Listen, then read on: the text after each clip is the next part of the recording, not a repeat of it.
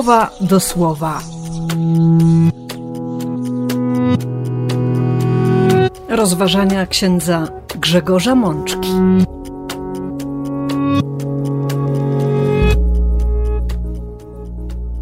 Pierwszy stycznia uroczystość świętej Bożej Rodzicielki Maryi.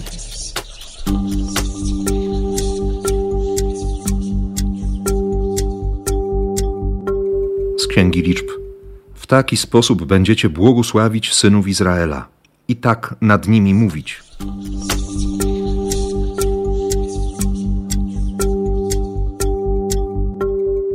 Z Psalmu 67. Oby Bóg zlitował się nad nami i nam pobłogosławił, oby ukazał nam swoje oblicze.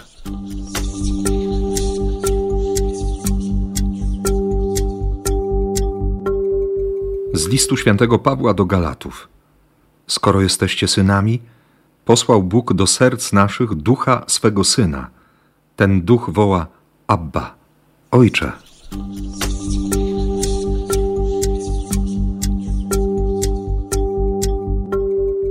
Z Ewangelii według świętego Łukasza. Pasterze odeszli wielbiąc i wychwalając Boga za wszystko, co usłyszeli i zobaczyli, tak jak im zostało powiedziane.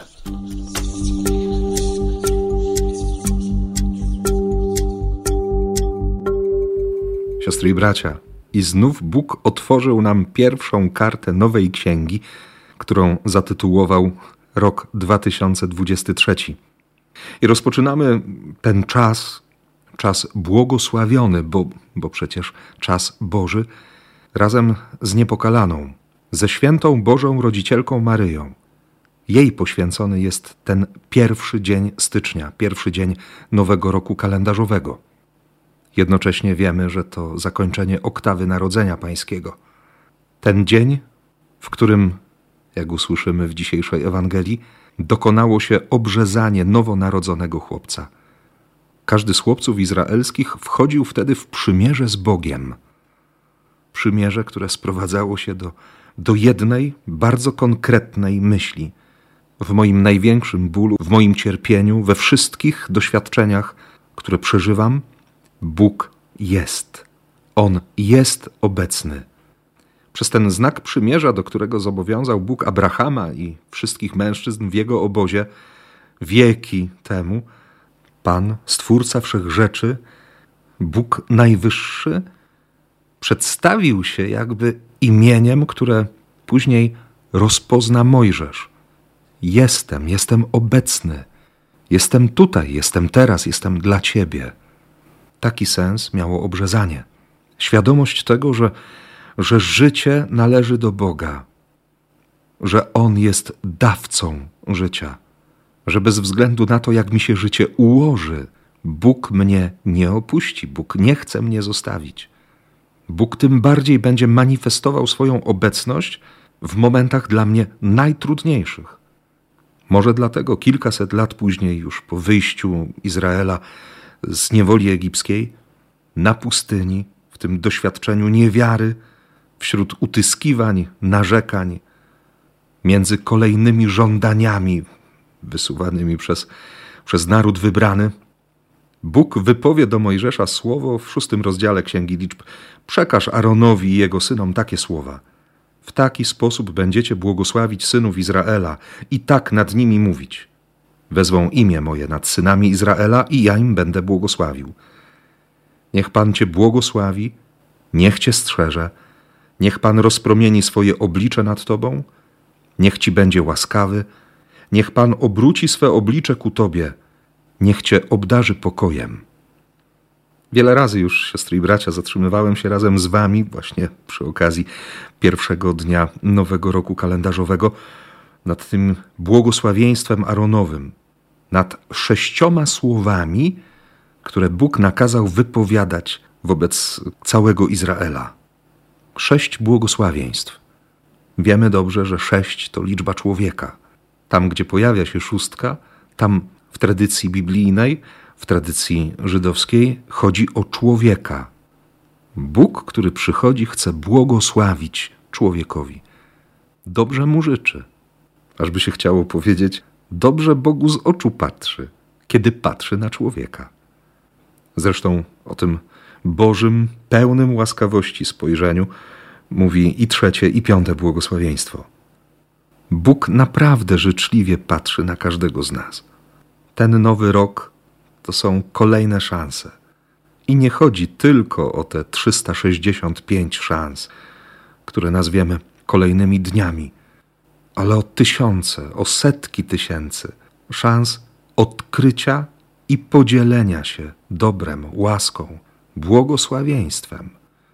Bo skoro otrzymujemy błogosławieństwo, jesteśmy jednocześnie i zaproszeni, i zobowiązani do tego, by to błogosławieństwo przekazać, by tak żyć, żeby inni zobaczyli, że, że jesteśmy szczęśliwymi ludźmi. I to jest bardzo ważne pytanie, które trzeba sobie postawić na progu nowego roku.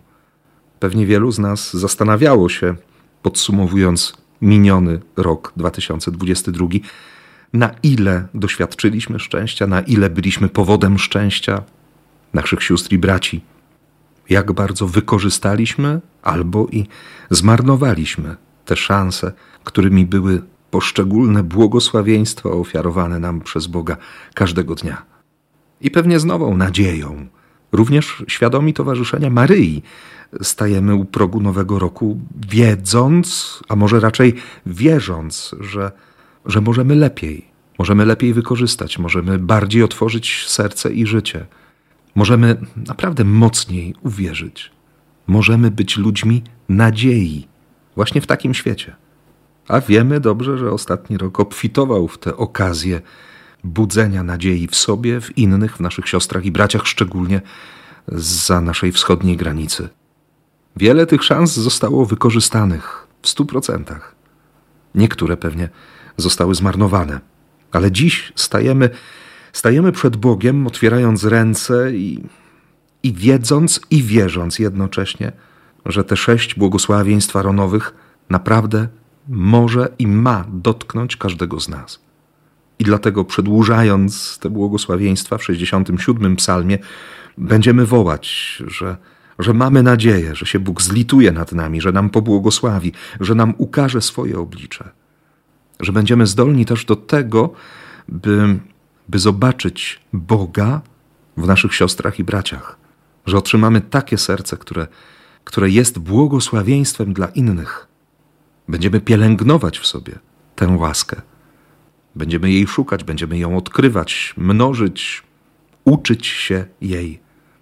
Staniemy się łaską dla sióstr i braci, którzy, którzy łaski Boga bardzo potrzebują, a do których nasz Pan i Bóg nas pośle. Bo przecież wiemy dobrze, i wy, siostry i bracia, i ja również, że nierzadko Bóg chce objawić swoje oblicze przyjmując konkretnie rysy naszych twarzy. Dla kogoś Twoja twarz, siostro i bracie, Twoje oczy, Twoje słowa, Twoja bliskość, Twój uśmiech, Twoja nadzieja będą ratunkiem, będą błogosławieństwem, będą szansą na, na zmianę życia, na podniesienie się z bardzo trudnej sytuacji, czy to materialnej, czy duchowej. Dla wielu Bóg będzie miał ludzką twarz, Twoją twarz. I dlatego właśnie w szczególny sposób dziś przemawia do mnie ten fragment czwartego rozdziału listu do Galatów, w którym apostoł narodów mówi, że kiedy nastąpiło dopełnienie się czasu, Bóg posłał swego syna, aby narodziwszy się z kobiety i znalazłszy się pod prawem, wykupił tych pod prawem, byśmy mogli dostąpić usynowienia. A skoro jesteście synami, posłał Bóg do serc naszych ducha swego syna – ten duch woła Abba, Ojcze. Ten proces stawania się dojrzałymi latoroślami bożymi, jak to przetłumaczy nowy przekład dynamiczny, jest nieustannie wzmacniany i udowadniany nam obecnością Ducha Bożego. Tego Ducha, który uzdalnia nas, który w nas samych woła Abba, kochany Ojcze, kochany Tato. Tak, to jest to otwarcie na łaskę. Bóg przyjmuje ludzką twarz. Bóg chce wejść i wchodzi w Twoje, w moje życie, właśnie po to, aby inni rozpoznali Go i abyśmy my sami mieli świadomość tego, że możemy stanąć przed Nim, wyciągnąć szeroko ręce, wiedzieć, nie tylko liczyć, ale wiedzieć o błogosławieństwie, o łasce, którą mamy daną bez wymierzania, bez jakiejkolwiek reglamentacji, bez granic, że możemy stanąć przed Bogiem i powiedzieć: Tato. I to absolutnie nie umniejsza szacunku, nie umniejsza Jego godności, nie sprawia, że zapominamy, kim jest Bóg. Przeciwnie, pozwala zbudować taką relację miłości, która otwiera na przyjęcie każdej łaski z zaufaniem, z wiarą, z nadzieją, choćby ta łaska była niezrozumiała, choćby motywowała do rzeczy, wydawałoby się, niemożliwych, o czym doskonale przekonujemy się i co sobie nieustannie przypominamy, stając w obecności Maryi, przyglądając się jej życiu. Ta bliskość i miłość sprawia, że, że my naprawdę wiemy, że to jest nasz Bóg, że to jest kochany tata, że to jest ojciec, którego radością jest każde jego dziecko, każdy z nas. Dlatego widzimy w dzisiejszej Ewangelii pasterzy, którzy, którzy wracają z Betlejem z ogromną radością w sercu, wielbiąc Boga i wysławiając z powodu tego wszystkiego, co usłyszeli i zobaczyli, zgodnie z tym, jak im to zostało zapowiedziane. Przecież dobrze wiemy, że, że pasterze byli tą grupą z marginesu. Zasłużyli sobie też na to przez, przez pazerność na pieniądze, przez łatwość i skłonność do krzywoprzysięstwa. A w relacji ewangelisty widzimy, że, że ci ludzie błogosławią Boga przede wszystkim za to, że ktoś ich potraktował poważnie, że ktoś dotrzymał słowa, że ktoś nie odpłacił im pięknym za nadobne, choć pewnie i do tego byli przyzwyczajeni. Ile razy, siostry i bracia, przekonaliśmy się o tym, że, że Bóg traktuje nas poważnie, nawet jeśli my nie potrafimy odpłacić Mu tym samym, że On nie cofnie danego słowa, nawet kiedy my składamy kolejne obietnice bez pokrycia, że On po raz kolejny okaże nam szacunek i godność, nawet jeśli my od czasu do czasu nie mamy krzty szacunku do tego, co Boże, do Jego słowa, do Jego sakramentów, do Jego prawa że On nigdy nie potraktuje nas jak piąte koło uwozu, nawet jeśli my od czasu do czasu pokazujemy Mu, że, że mamy Go za nic, bo chcemy podporządkować Go naszej woli, naszemu myśleniu, naszym planom, naszemu postrzeganiu rzeczywistości. Ten pierwszy dzień Nowego Roku naprawdę daje nadzieję, ogromną nadzieję. A tą, która, która trzyma tę nadzieję na rękach, która jej będzie bronić przez całe swoje życie, przez całą wieczność, również dla nas, jest właśnie Maryja, ta Miriam z Nazaretu. Ta, która potrafiła znaleźć miejsce w swoim sercu i w swoim życiu dla, dla każdego słowa, które wypowiedział Bóg. I przede wszystkim tego właśnie życzę Wam, siostry i bracia, na ten nowy 2023 rok.